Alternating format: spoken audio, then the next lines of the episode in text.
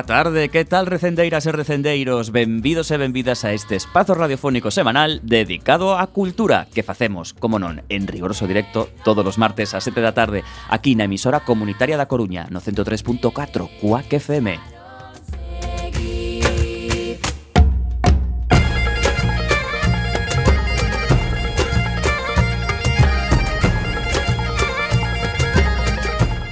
A Agrupación Cultural Alexandre Bóveda presenta este programa que podedes escoitar polas ondas radiofónicas ou a través da internet e tamén en directo na páxina de emisora coacfm.org.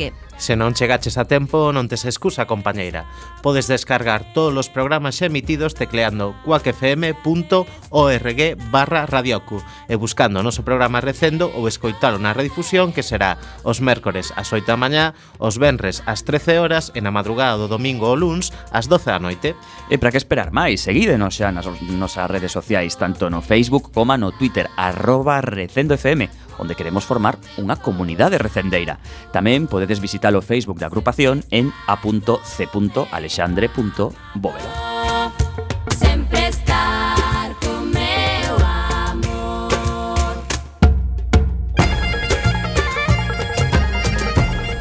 E xa sen máis imos caralón na procura desta fantástica aventura cultural con Roberto Catoira no control técnico e falándolles coa Almanteira, Manu Castiñeira, Javier Pereira e Marta López.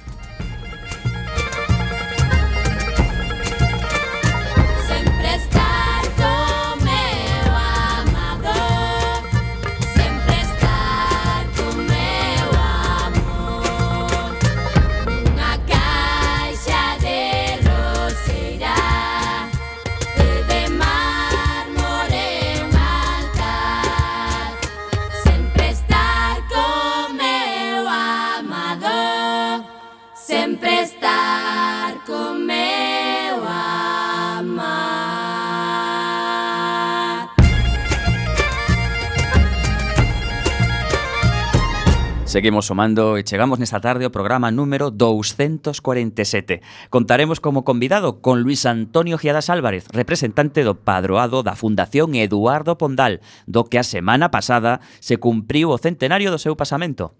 E teremos a sección de fotografía e arquitectura a cargo de Héctor Fernández e falaremos das actividades da nosa agrupación e das outras cousas que se fan na Coruña e na Galiza e que tamén son cultura.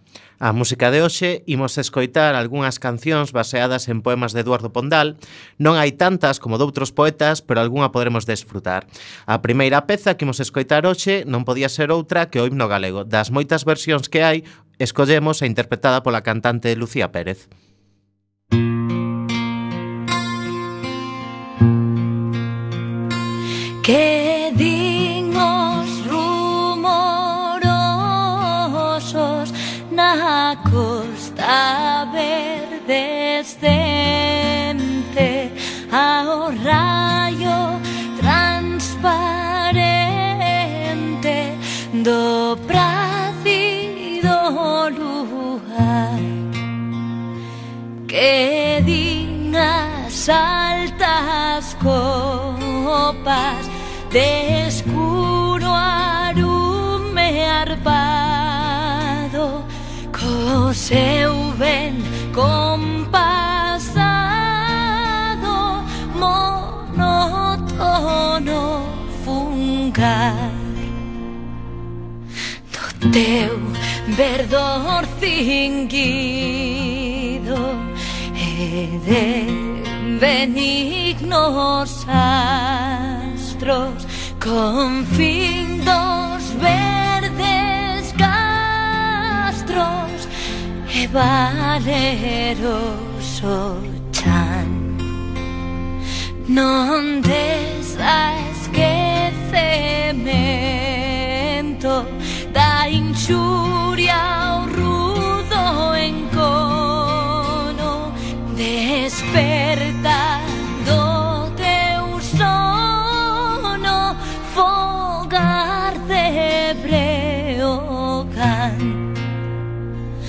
os voces generosos a nosa voz. Entenden e con arrompo atenden. Oh, o noso son mais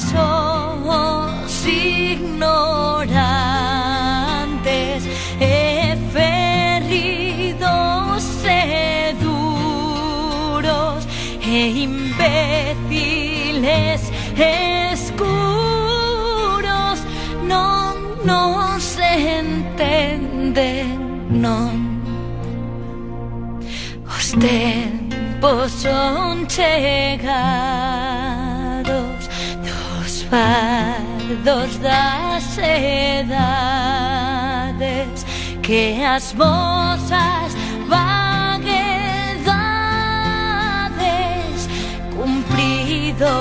finteran Poizon deker gigante A nosa bot pregoa Arrede zonda boa Nazon de breokan Nazon de breogan de breogan na zonde breogan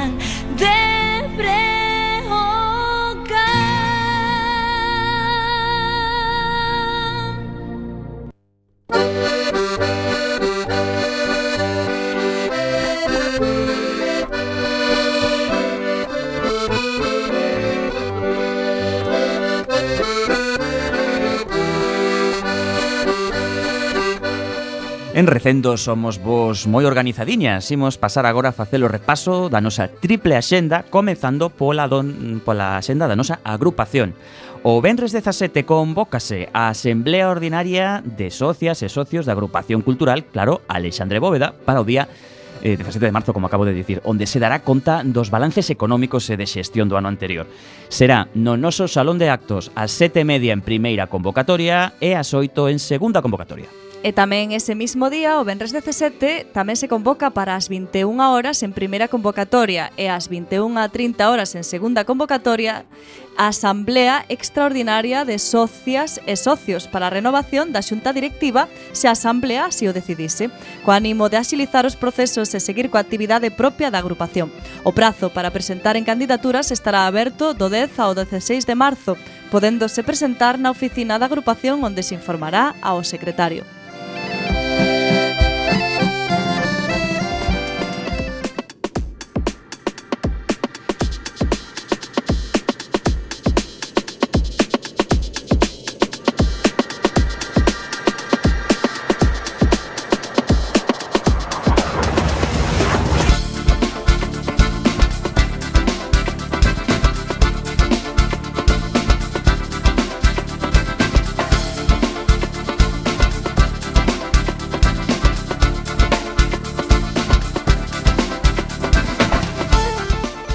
E a quenda da Xenda da Coruña, estes días estás a celebrar o 24º Festival Internacional de Teatro Universitario da Coruña, FITEUC, organizado pola Universidade da Coruña.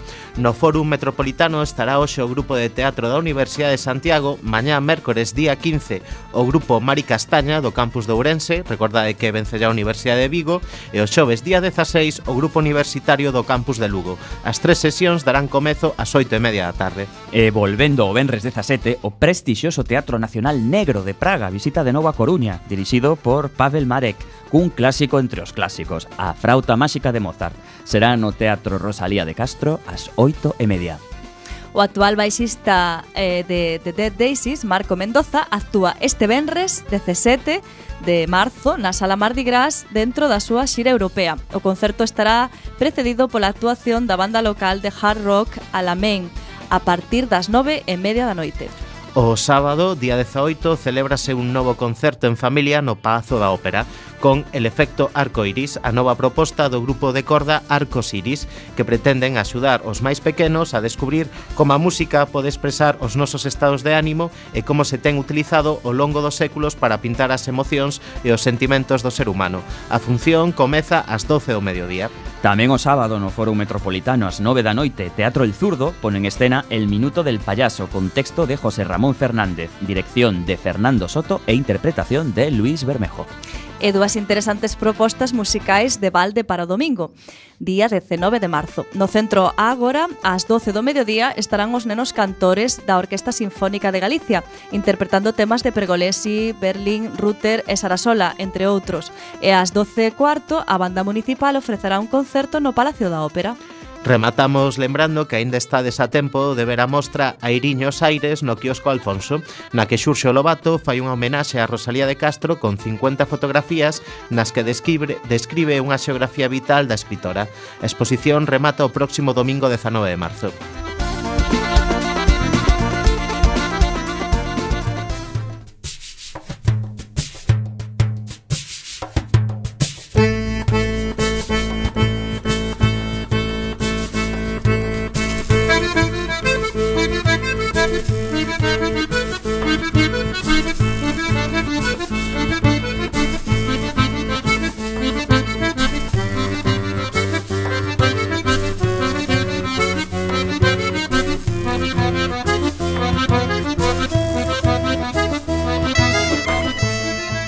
Imos agora movéndonos a través do territorio galego. Comezamos en Lugo. Citamos hai un momento o Teatro Negro Nacional de Praga, que estaba o Benres 17 na Coruña. Tráenos a súa versión, lembremos, da Frauta Máxica de Mozart. Un espectáculo familiar, unha adaptación dramática libre, presentada dun xeito fácil de comprender, con luz negra e non verbal, segundo contan eles mesmos. E, por suposto, seguindo as técnicas de escenografía tradicionais do Teatro Negro de Praga. Podedelo ver aquí en Lugo no Auditorio Municipal Gustavo Freire este sábado 18 ás 8 e media.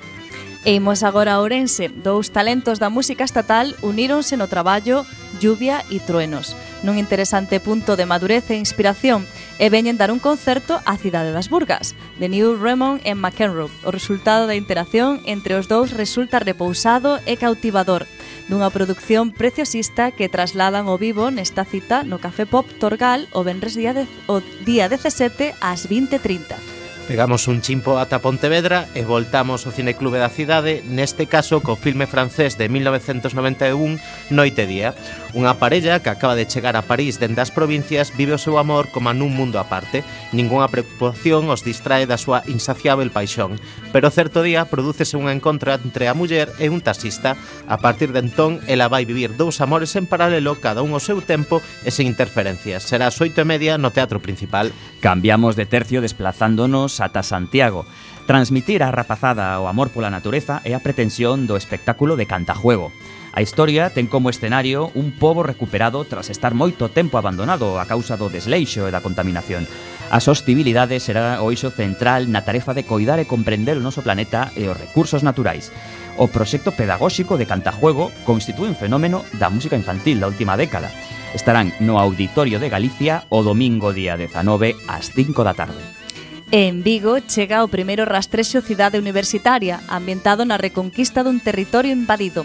As persoaxes participantes deberán superar oito probas que mesturan destreza, enxeño e valentía e interactuar cos, coas persoaxes que se atopen durante a viaxe para alcanzar o obxectivo. Un auténtico real game por todo o recinto universitario eh, con concertos nos arredores do edificio Miralles. Vai ser este sábado a partir das 6 da tarde. Imos ata Ferrol contos pouco edificantes ven sendo unha sarta de trolas que non teñen intención de enganar. É unha sesión de contos para adultos enmarcada na quinta edición do Festival de Narración Oral Atlántica. Facer unha sesión de contos pouco edificantes é doado. Mestúrense unha presa de historias cunha manchea de sal e pementa, régase todo con salsa de humor e listo. Métese nun auditorio sen presa e con orellas e a ver que sae. Será na capela do Torrente Ballester o Benres a partir das oito e media e rematamos o periplo visitando Antas de Ulla. Ofrécese ali un taller co nome de Manifestando o teu potencial, que segue a visión nativa americana do encontro e conexión cun animal de poder, utilizando así mesmo a figura dos animais guía Así, camiñase cara a superar mecanismos de defensa e patróns de autoengano que nos limitan ou nos bloquean. Vai ter lugar entre o Benres e o Domingo na Casa da Terra.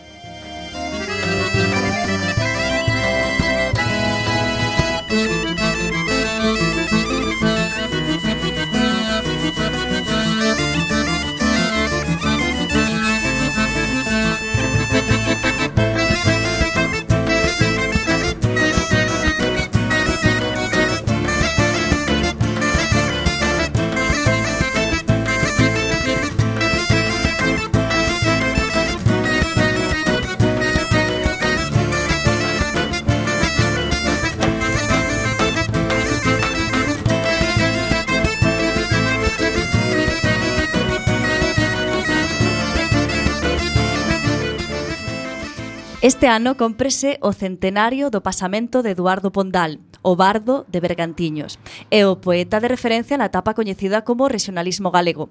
O bate de Ponteceso segue vivo na cultura popular galega grazas ao himno de Galicia, aínda que a el lle debemos moito máis. Pondal foi quen de construir a orixe cultural galega, apoiándose no pasado celta da Galicia prerromana que predicaban as teses de Murguía e Bicetto. Esta orixe celta do noso povo segue sendo controvertida para os historiadores, pero certo é que é unha idea moi presente no imaginario popular galego algo do que Pondal é, en boa parte, responsável. O bardo de Bergantiños foi unha persoa controvertida en vida. Aínda que nunca se dubidaba do se, da súa capacidade literaria, sí que foi moitas veces cualificado de tolio, de tolo e visionario. Quizáis o seu carácter melancólico e obsesivo nunca foi unha axuda para isto.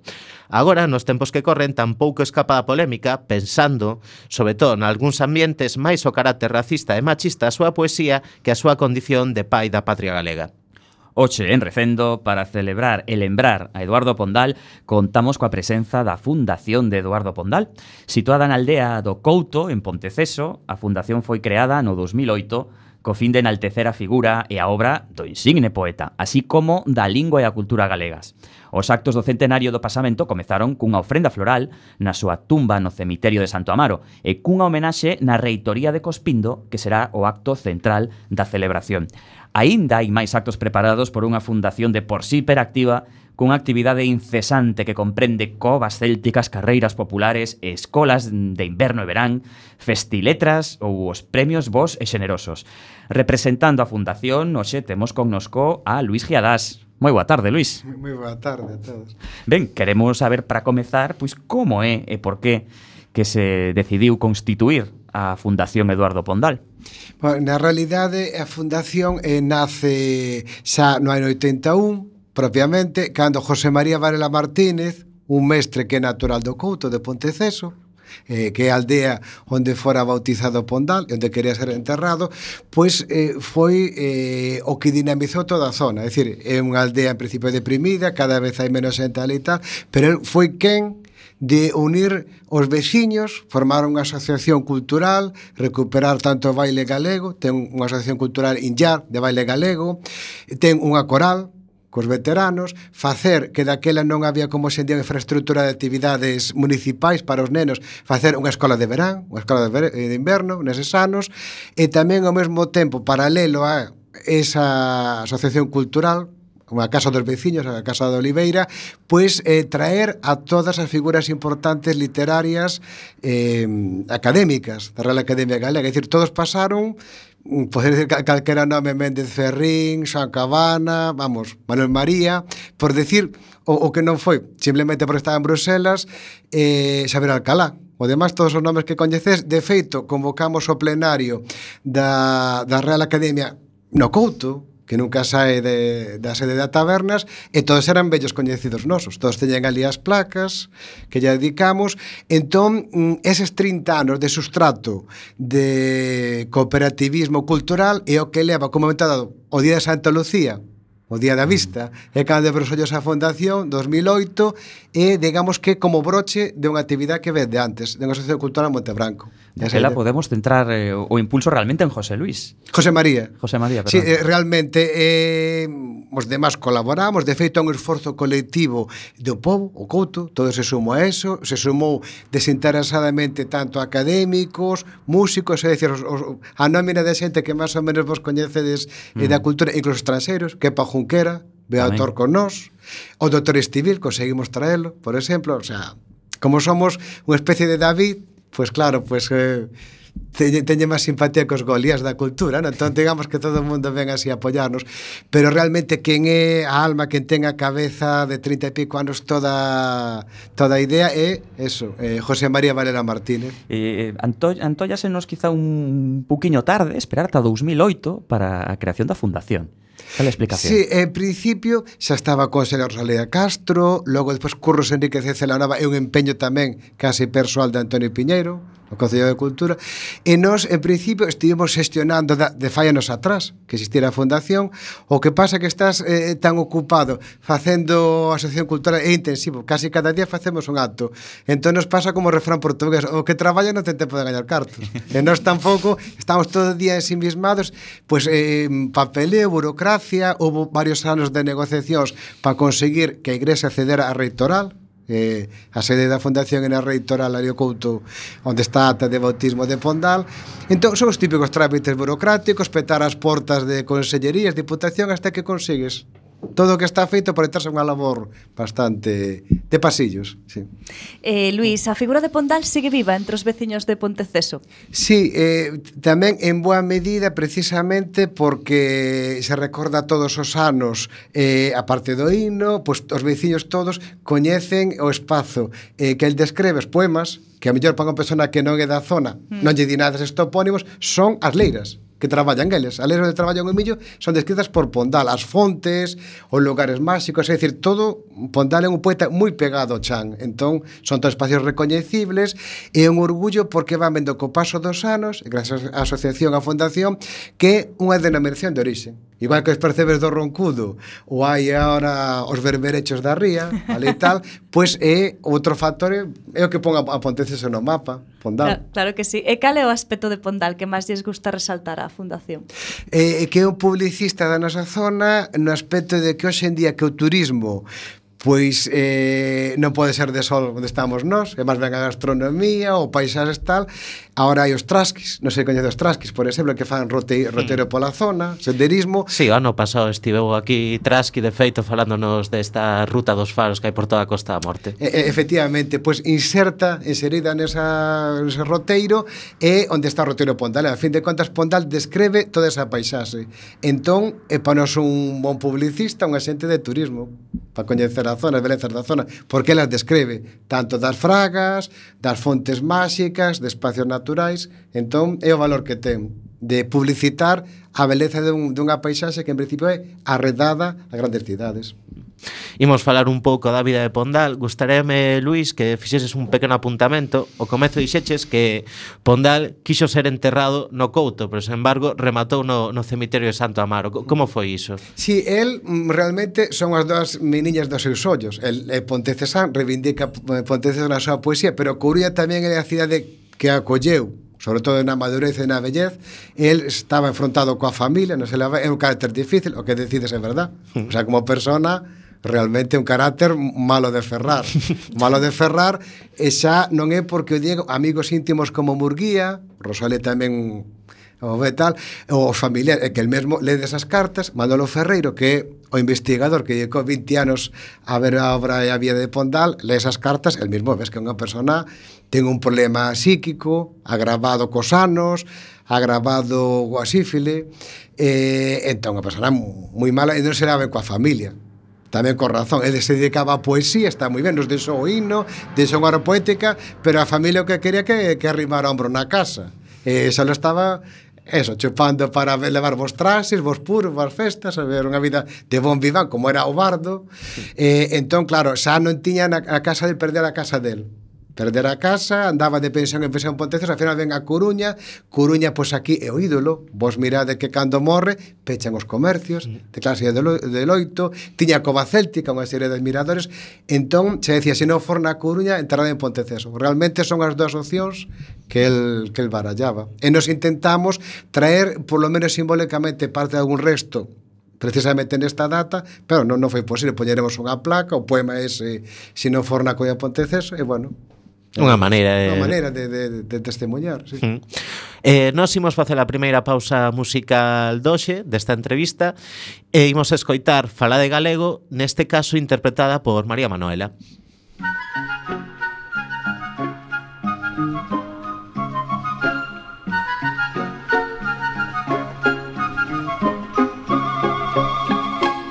Meniñas da Cruña de amable despejo silencio de falas graciosas e pasos lisieros de Isia de Castela os duros acentos. Fala de ni niñas fala de galego.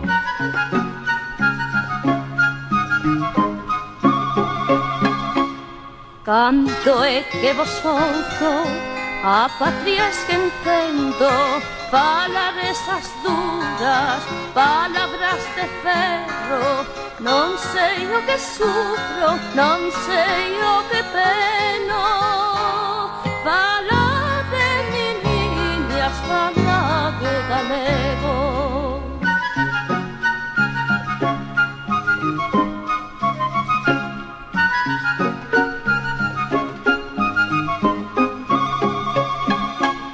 Mais cando falades nos patrios acentos envoltos no vosso ansiélico alento parece que escoito un canto do ceo Falade de niñas, falade galego Falade de niñas, falade galego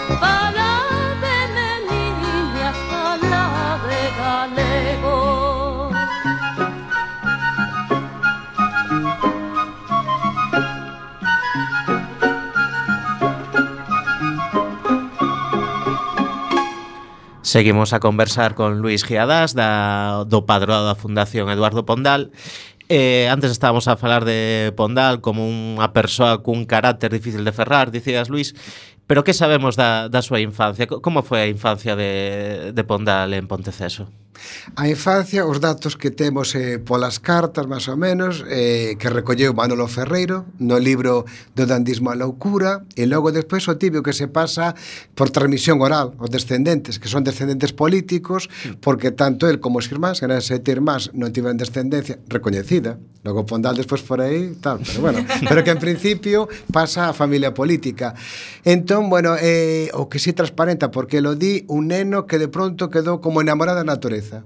Notas que de pequeno é cazador, é pescador, observador eh, da natureza unha maneira, mm, un se dá conta nos poemas, analiza as aves, como pode analizar, por dicirvos un exemplo, Félix Rodríguez de la Fuente. É dicir, non é un observador da etoloxía, da conduta dos animais, o describe moi ben, eh, da paisaxe, das plantas, entón coñece realmente casi cada pedra, cada lugar, enamórase, penso que o amor da súa vida Notas é a natureza, casa coa natureza. O demais é unha persona misántropa, misóxina, Mm, egoísta, pero realmente desde pequeno queda prendado da natureza e por eso a transparenta en todos os poemas. É eh, basicamente esa idea. Eh, entre os veciños de Ponceso aínda hai por aí algunha anécdota que pase de, de xeración en xeración que nos poidas ah, contar? Ah, bueno, o que sempre se conta el eh, médico fixa a carreira, pero non era rentista podía permitirse o uso de, de desertar de médico militar que eso lle pode sair cara, mas tiña boas relacións ao banquete de Conso vedes como consigue safar da historia tal. Pero el decían os veciños que ese momento, claro, como a familia xa non o quere porque non apoia nada a casa, tense que buscar a vida a través de médico. É unha persoa que a pesar de que levaba anos en exercer, e non era o del, El era ser poeta, sin embargo tiña bon ollo clínico. Polo visto recetaba mm, medicinas naturais, era un bon ollo. Eso é bo, é dicir, no sentido de que mm, vía unha persona tiña ollo clínico o tipo de enfermedade que tiña e tal. O malo que tiña que era hipocondríaco e cando son os, os vacilos de Pasteur, entón, por exemplo, para tomar o pulso, inda que os face ridículo, me tomara, tiñame dos vacilos cun bastón, poñía bastón e pois enfermo, o sea, ou un amigo del íntimo Pois pues, colleu un catarro e xa para entrar na casa puso que empezara polos periódicos para contaxialo. Algún o sea, amigo tiña, a pesar de todo. A ver, ¿no? sempre aguantaba. pero... eh, tamén unha, unha curiosidade case que persoal. Eh, falase da sífile de, de Pondal, pero realmente eso hai algún, digamos, os historiadores apoian esa tese de, da, da loucura de, de Pondal a raíz de, desta de sífile. Eh, vamos a ver, eh, un nota lendo as cartas que eh, ten un problema previo xa non é a, sífile o que fai acentuar. O sea, notase porque xa de novo el sincerándose con Rosalía, di non sei que facer da miña vida, tal, e notas que ela tamén transmite a melancolía, que tal, os dous mm, teñen un problema, cada unha a súa maneira, tal. Entón, eso que fai é potenciar. Realmente recoñece que de antes está mal, pero él recoñece determinada, era bo mozo polo visto, moi alto pa época, unha presencia, vos vedes a foto de época, impresiona, a voz potente e tal, incluso de maior estando xa bastante cascado, pois pues, se dice, jo, que é, é casi cego, pero sen embargo mesmo recoñece, eu estropei, estraguei a miña vida en malos pasos, el, vai contando o sea que o problema base non é a sífilis xa é un, unha enfermedade base que ten que tamén igual que potencia a senilidade hmm. unha persona que vive tan no seu mundo crea un mundo propio tal que realmente non non ten conexión coa realidade ni co mundo eh? non ten igual empatía con outros seres humanos porque ten coa natureza pero non simplemente a sífilis pois pues, o que fai é potenciar ese un problema que deriva en paranoia e despois a non confía en ninguén. Os famosos manuscritos del que teme do que lle rouben o dos eoas, vale toda unha película que el... así vamos. Eh, nun momento da súa vida decide deixar a súa profesión médica e dedicarse enteiramente á poesía como apuntabas aí un momento. Mm. Eh, que impulsa a Pondal xa non só a ser poeta senón de alguna maneira a asumir a responsabilidade de, de converterse pois, no poeta da terra, no poeta da patria. Sí, eh, realmente quen está detrás de, de Pondal ou de Roselé é Murguía.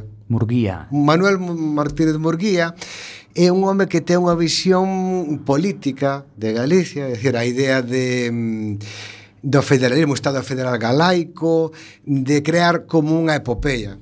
Igual que ali, de se crear xa unha idea, por iso fai os precursores, crea todo un mitoloxía, entón di ti, Rosalía de Castro, Vas a ser a poeta da raza, vas a coller notas das poesías populares. A fin de contas, as poesías de Rosales son cantigas populares, en principio, logo adaptadas. Entón, así lle papel a poeta da raza das baladas populares. E ti, Eduardo Pontal, vai ser do pasado céltico. Xa que che gusta tanto eso, pois mira, vas a ser o bardo. Entón, digamos, quen os etiqueta e quen lles dá pé a eso Además non é que o diga, eh? vamos, a, o di Neira Vilas, incluso o propio Murguía e os contemporáneos din realmente o que o rector deles, eles entran ese xogo de reparto de papeles en Murguía. Entón, ele asume dunha maneira total que cando mora Rosalía é monolingüe non é curros ou non é Rosalía, ele é monolingüe. Tamén porque pode permitirse un rentista pode permitirse, os outros teñen que gañarse a vida en castelán. Ese pasado celta mítico, mm. eh, podemos dicir que tivo bastante pegada, inda que tamén depende dos historiadores, non? Depende, hai quen opina que, que non é tanto así. Mm. Pero eh, podes falar un pouco máis co de como como interpretar máis máis no detalle eh, o feito de recorrer a ese pasado mítico con tanta forza. Sí. O sea, deixando a parte que Murguía, Viceto, Ponda a xente da época chaman celta a todo prerromano. É dicir, pa eles, os habitantes dos castros se enterraban nos dólmenes, cando nós sabemos que hai dos mil anos de diferencia, como se si nós comparamos co Coliseo ou xa por dicir máis coas pirámides. Non é científicamente non é demostrable. Despois deixando a parte que se xa máis celtismo, menos celtismo, hoxe en día se pasou contra o celtófobo, precisamente por tanto empache celtista que teñen eles, hai unha razón que non é solo dos galegos, pasa dos bretóns, pasa escoceses, irlandeses, gaélicos, é dicir, no século XIX construese as nacións liberais, España, Francia, Inglaterra.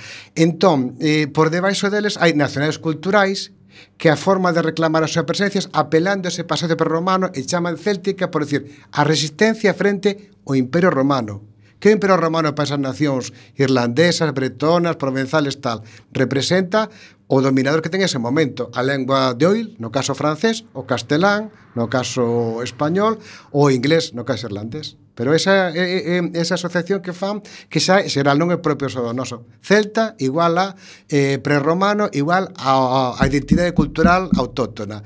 E eh, o romano igual a noso dominador actual no 19 que é co poder central. Sí, sí, queda moi claro tal como explicas. Sí, sí, nas...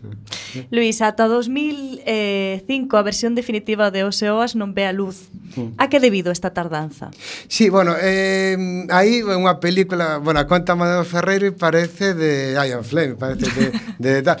Eh, están o Baldo Oseoas na Real Academia Galega, hai unha letra endiañada, vos vedes a letra de Pandego, dios mío, Manolo Ferrero non sei como xa, xa unha letra difícil de médico, pero encima ao final da súa vida notase un grafólogo pode analizar que mm, a obsesión, tachar, reescribir, ta.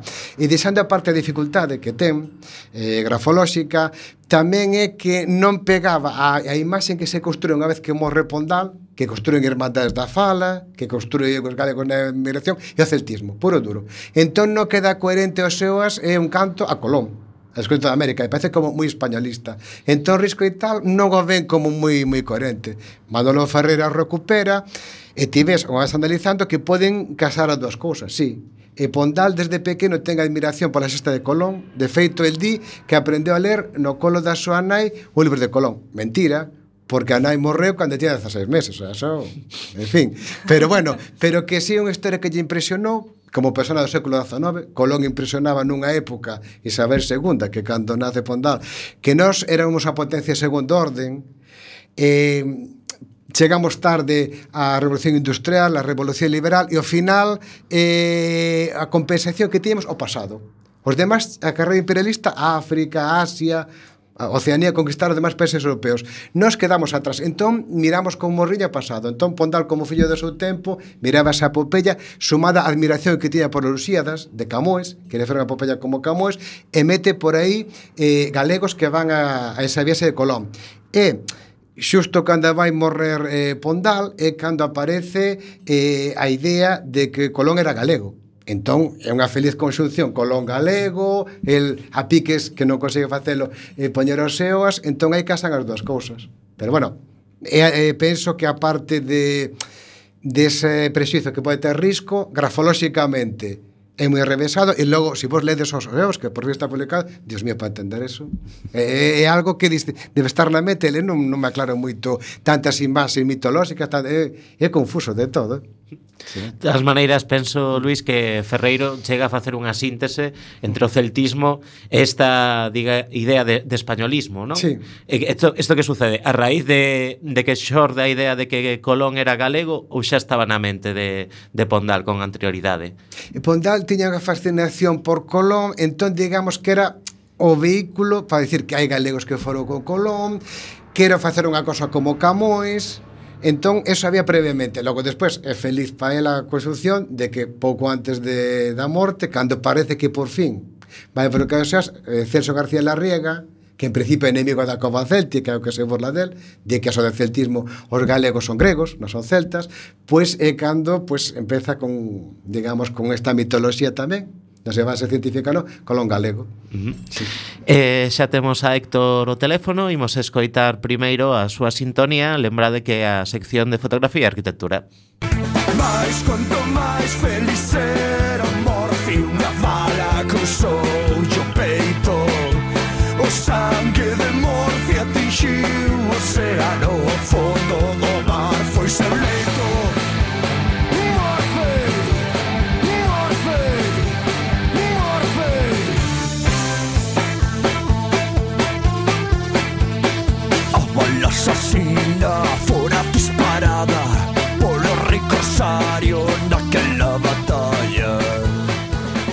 Saudamos a Héctor. Boa tarde, Héctor. Hola, boa tarde. Ben, de que será que nos falarás hoxe? Mm, de arquitectura, quizáis? De fotografía? Sí, hoxe, hoxe sí. de arquitectura porque temos unha excusa perfecta.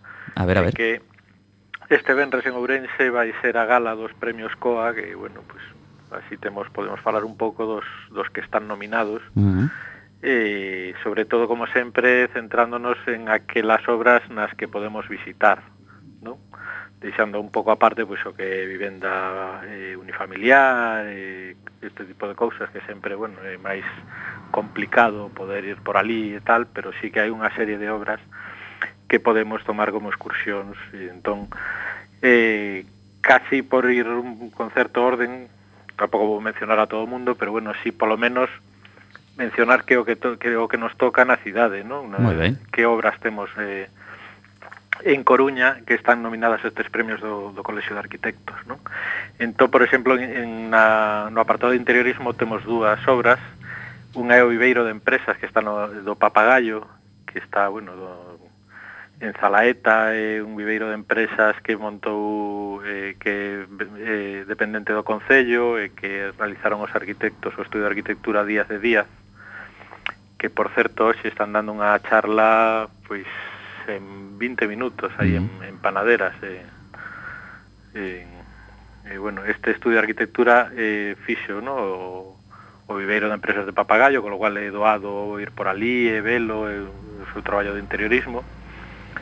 E tamén de interiorismo é, eh, xa un pouco máis lúdico todavía, é o Bar Boca Negra, que está en Rego de Auga, e obra do arquitecto eh, Severo Rodríguez, pois bueno, pois tamén xa é unha excusa pois cando saíamos a esta semana a tomar algo por aí, pues podemos pasar por, por Rego de Agua e ver un dos, dos das obras candidatas a ser premiada polos arquitectos galegos. ¿no? Por suposto, esto en interiorismo. Eso en interiorismo. Despois, seguindo en Coruña, se marchar de Coruña, tamén hai dúas obras na, na parte de equipamento que tamén están eh, nominadas.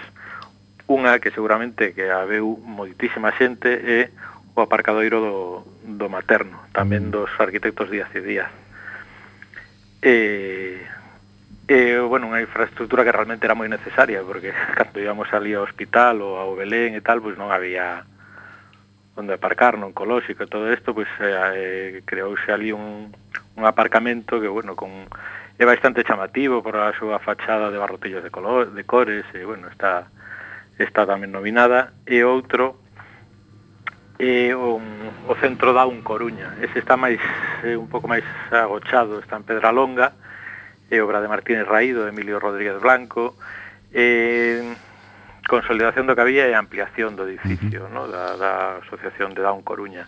E tamén unha obra pois que está a mí personalmente, hombre, gustanme todas as nominadas, pero bueno, sí que recoñece un valor especial si sí, a esta obra. Esta ¿no? última. Veremos se si acadan algo ou non, pero bueno, polo menos en na Coruña temos estas para ir ver, non? Exacto. E logo, bueno, pois pues, noutras categorías eh, sempre intento mirar sobre todo que de, deseño urbano por, por aquelo de que é doado eh, visitalas, velas ou facer unha excursión ¿no? con, con, esa, con esa excusa, ¿no? Pois pues, neste ano están nominadas, por exemplo, as suertas, as hortas de Caramoniña en Santiago, da Valo de Alonso, e o miradoiro da, da Pedra da Rá, que está en Ribeira, de Carlos Xevane, ambas dúas as obras eh, xa falei algunha vez delas, eh, entón, bueno, pues, simplemente decir que xa, xa recomendamos de ir por ali a velas, e aparte desas está tamén a Rúa Falcone, en Ruiz Falcone, en Noia, de Salgado de Liñares, e que Salgado de Liñares, bueno, é, digamos, os grandes candidatos, parece, a estes premios porque teñen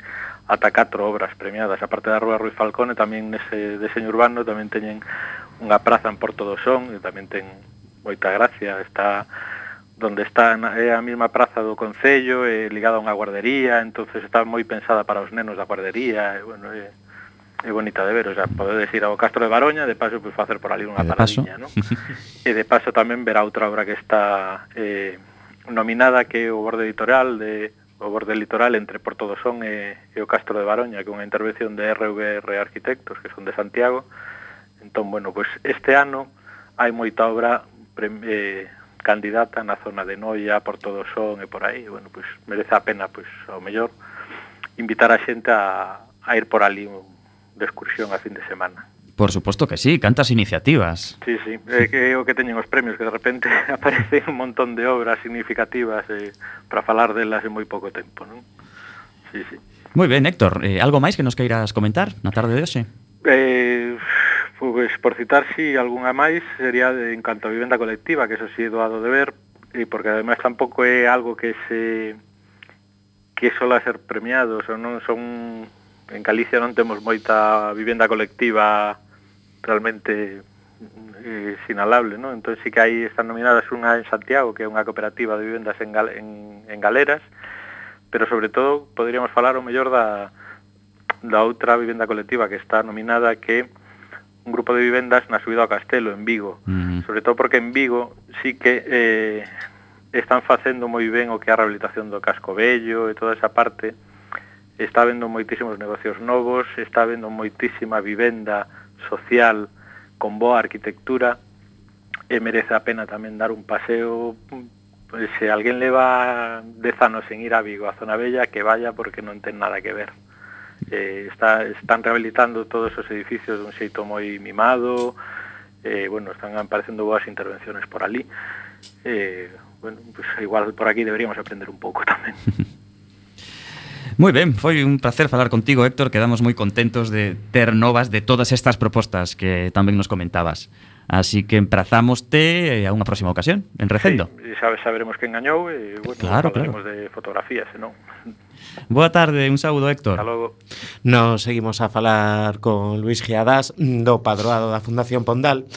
Mm, dun tempo esta parte acusouse a poesía de Pondal de racista e machista. E Luis, Eh, esto temos que poñelo en contexto da súa época ou ten máis que ver, digamos, con este carácter difícil que tiña Pondal? Bueno, a miña sempre, sempre se di que poñer en contexto da época, pero incluso para o contexto da época é bastante heavy. Quero decir que a meu punto de vista, vos ledes a, a certas poesías, é absolutamente reprobable. Dicir, non me extraña que Marisa que tan se pusera, vamos, está alporizada porque eh, parece unha apoloxía de pederaste, é dicir, algo eh, indigno para calquera persona, pero bueno, é eh, a mentalidade que ten misóxena, é curioso que incluso Emilia Pardo Bazán pois o justifique dicindo, claro, canta o guerreiro heroico, o botín do guerreiro que leva a muller, no? tipo como Aquiles, no? cando mm. leva a Briseida, pero bueno, é porque é un fidalgo e porque é un amigo, pero xa digo, eses poemas son reprobables de todo punto, non hai xestificación. E credes na fundación que estas particularidades, directamente misoxinia de, de Pondal, lle resta popularidade agora mesmo a poesía de Pondal? Si, sí, eh, Pondal pues, eh, está mitificado polo himno, ten a campana de Anjos que como poema romántico é redondo, por exemplo, pero precisamente ese carácter, eh, esa misoxinia, incluso ás veces esa belixerancia, vos vedes no propio himno, imbéciles escuros, é dicir, é moi belicista. Tamén o é Rosalía cos casteláns, con certa meta, pero entón mm, non creo non fai moitos amigos fora de Galicia ou para castelán falante, realmente non. Mm. Eh, sobre todo a hora de musicar, que decíades, é difícil encontrar eh, música del como é máis fácil de Rosalía de Curros, non é tan tenro, non trato a nenez, é, é máis duro, realmente hai, é máis abstracto, mm, ten moitas barreiras mm, de cara a un lector medio, sí. Eh, como foi a homenaxe eh, recente de, na Reitoría de Cospindo? Sí, eh, nos eh, o que fixemos a homenaxe que facemos sempre cando son as festiletas de maio, é dicir, a saída da misa tocan as campas, a máis é, eh, é un campaneiro non é non é é artesán, campaña artesán, un toque especial, foguetes, mm, temos sempre a ceremonia unha pedra ali eh, horadada que escollera Isaac Díaz Pardo e depositamos no colo desa pedra unha flor, cada unha xente todas as autoridades e xente do povo, entón eh, bailaron a danza dos paus, unha danza gremial, os rapaces, e logo marchamos solemnemente cara á Fundación, a Rectoral, que está carón da, da igrexa, eh, cos acordes do himno antigo reino de Galicia. Tal.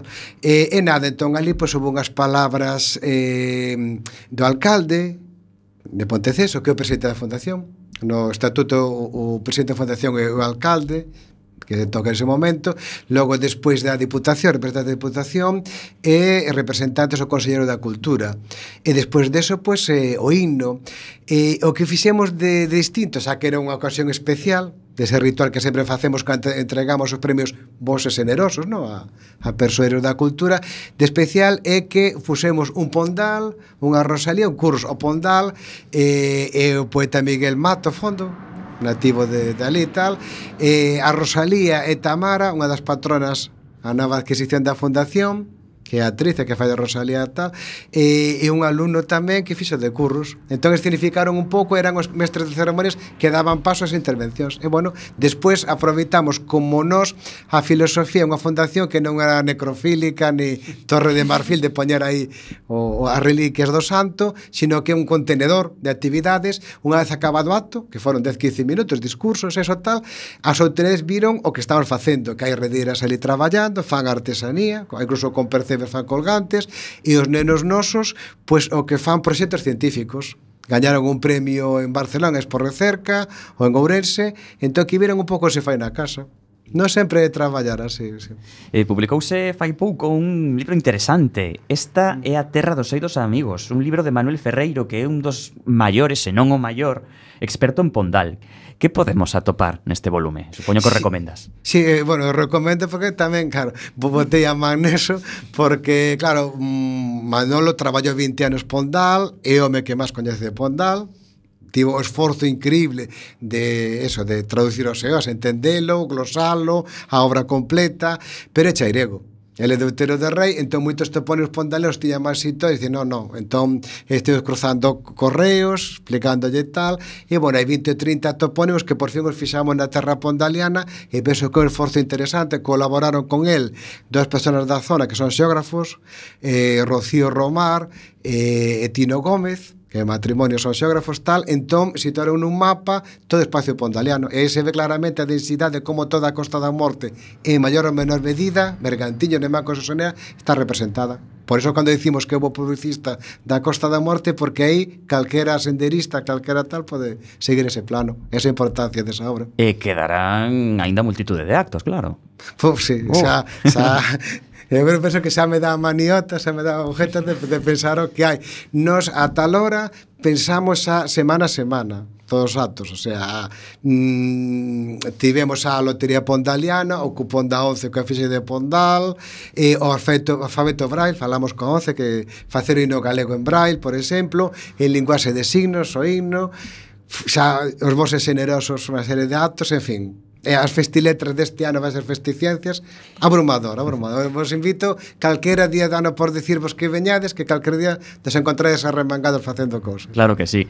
Eh, se queres Luis imos xa rematando. Eh, sí. xa que ti veches a ben traernos unha peza musical Pequena Ponteceso cantada por Alba Costa que nos podes contar brevemente del, desta peza?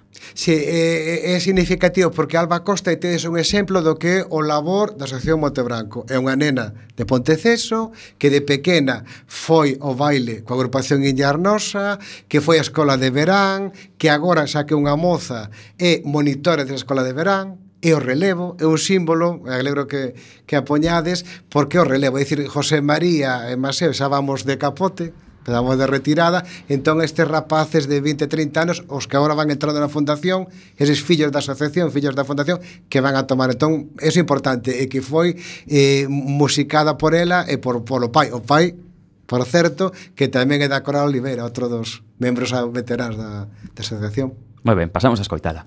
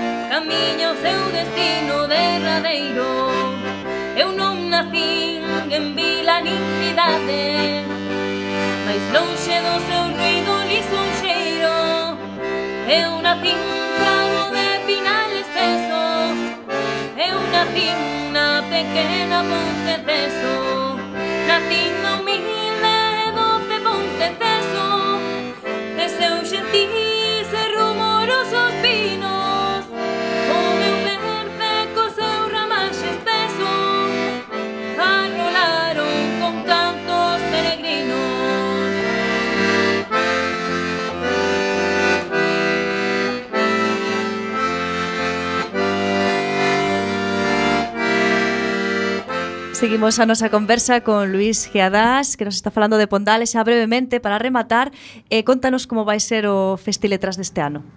O Festiletras sempre amontamos como unha novena, como dicimos nós, nove días de actos intensivos para todas as edades.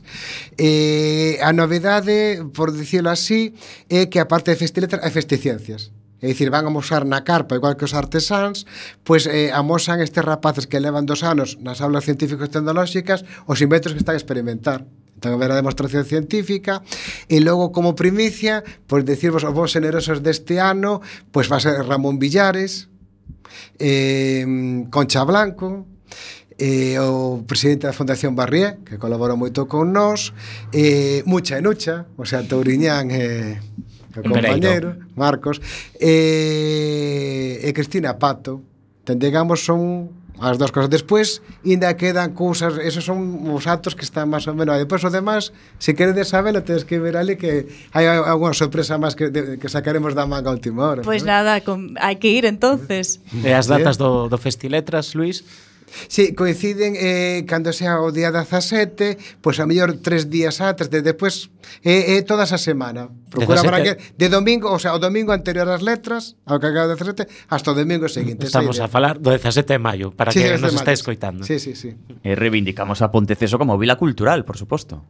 Sí, eh, de feito, nos eh, somos moi amigos das outras dos vilas culturais, eh, Padrón e Celanova, no? Rosalía e Curros, e temos a idea de ensamblar todo un roteiro Do Resurdimento que curiosamente se veas no mapa sigue a traeta da bandeira galega entón, Moi ben, Luis, pois moitísimas grazas por estar aquí e por aprender tanto contigo acerca da figura de Eduardo Pontal. Pondal, ata, eh, ata outra ocasión. Gracias a vos por convidarme. Quedamos xa sen tempo para máis odiseas, así que imos chegando a fin do camiño deste recendo. Despedimos o programa de hoxe, agradecendo o noso convidado que, como sempre, se eh, é de honra, neste caso Luis Antonio Giadás, do Padroado da Fundación Eduardo Pondal. Tamén nos acompañou Héctor Fernández falando de arquitectura. E agradecendo a semente pedra angular de todo o noso comando e equipo de producción formado por Javier Pereira, Antonio Brea, Manu Castiñeira e Roberto Catoira. E aquí estivemos Roberto Catoira nos controis e co alento do micrófono Manu Castiñeira, Javier Pereira e Marta López. Acompañándote neste recendo de palabras e de imaxes radiofónicas que nos traen este aroma cantado na nosa lingua e que nos permite, hoxe e tamén no futuro, a permanencia da palabra, da música e da implicación e o compromiso coa nosa nación a Galiza ato vindeiro martes a 7 da tarde en directo neste emisora de Cuac FM da Coruña, xa sabedes, recendo as mil primaveras que terá o noso idioma.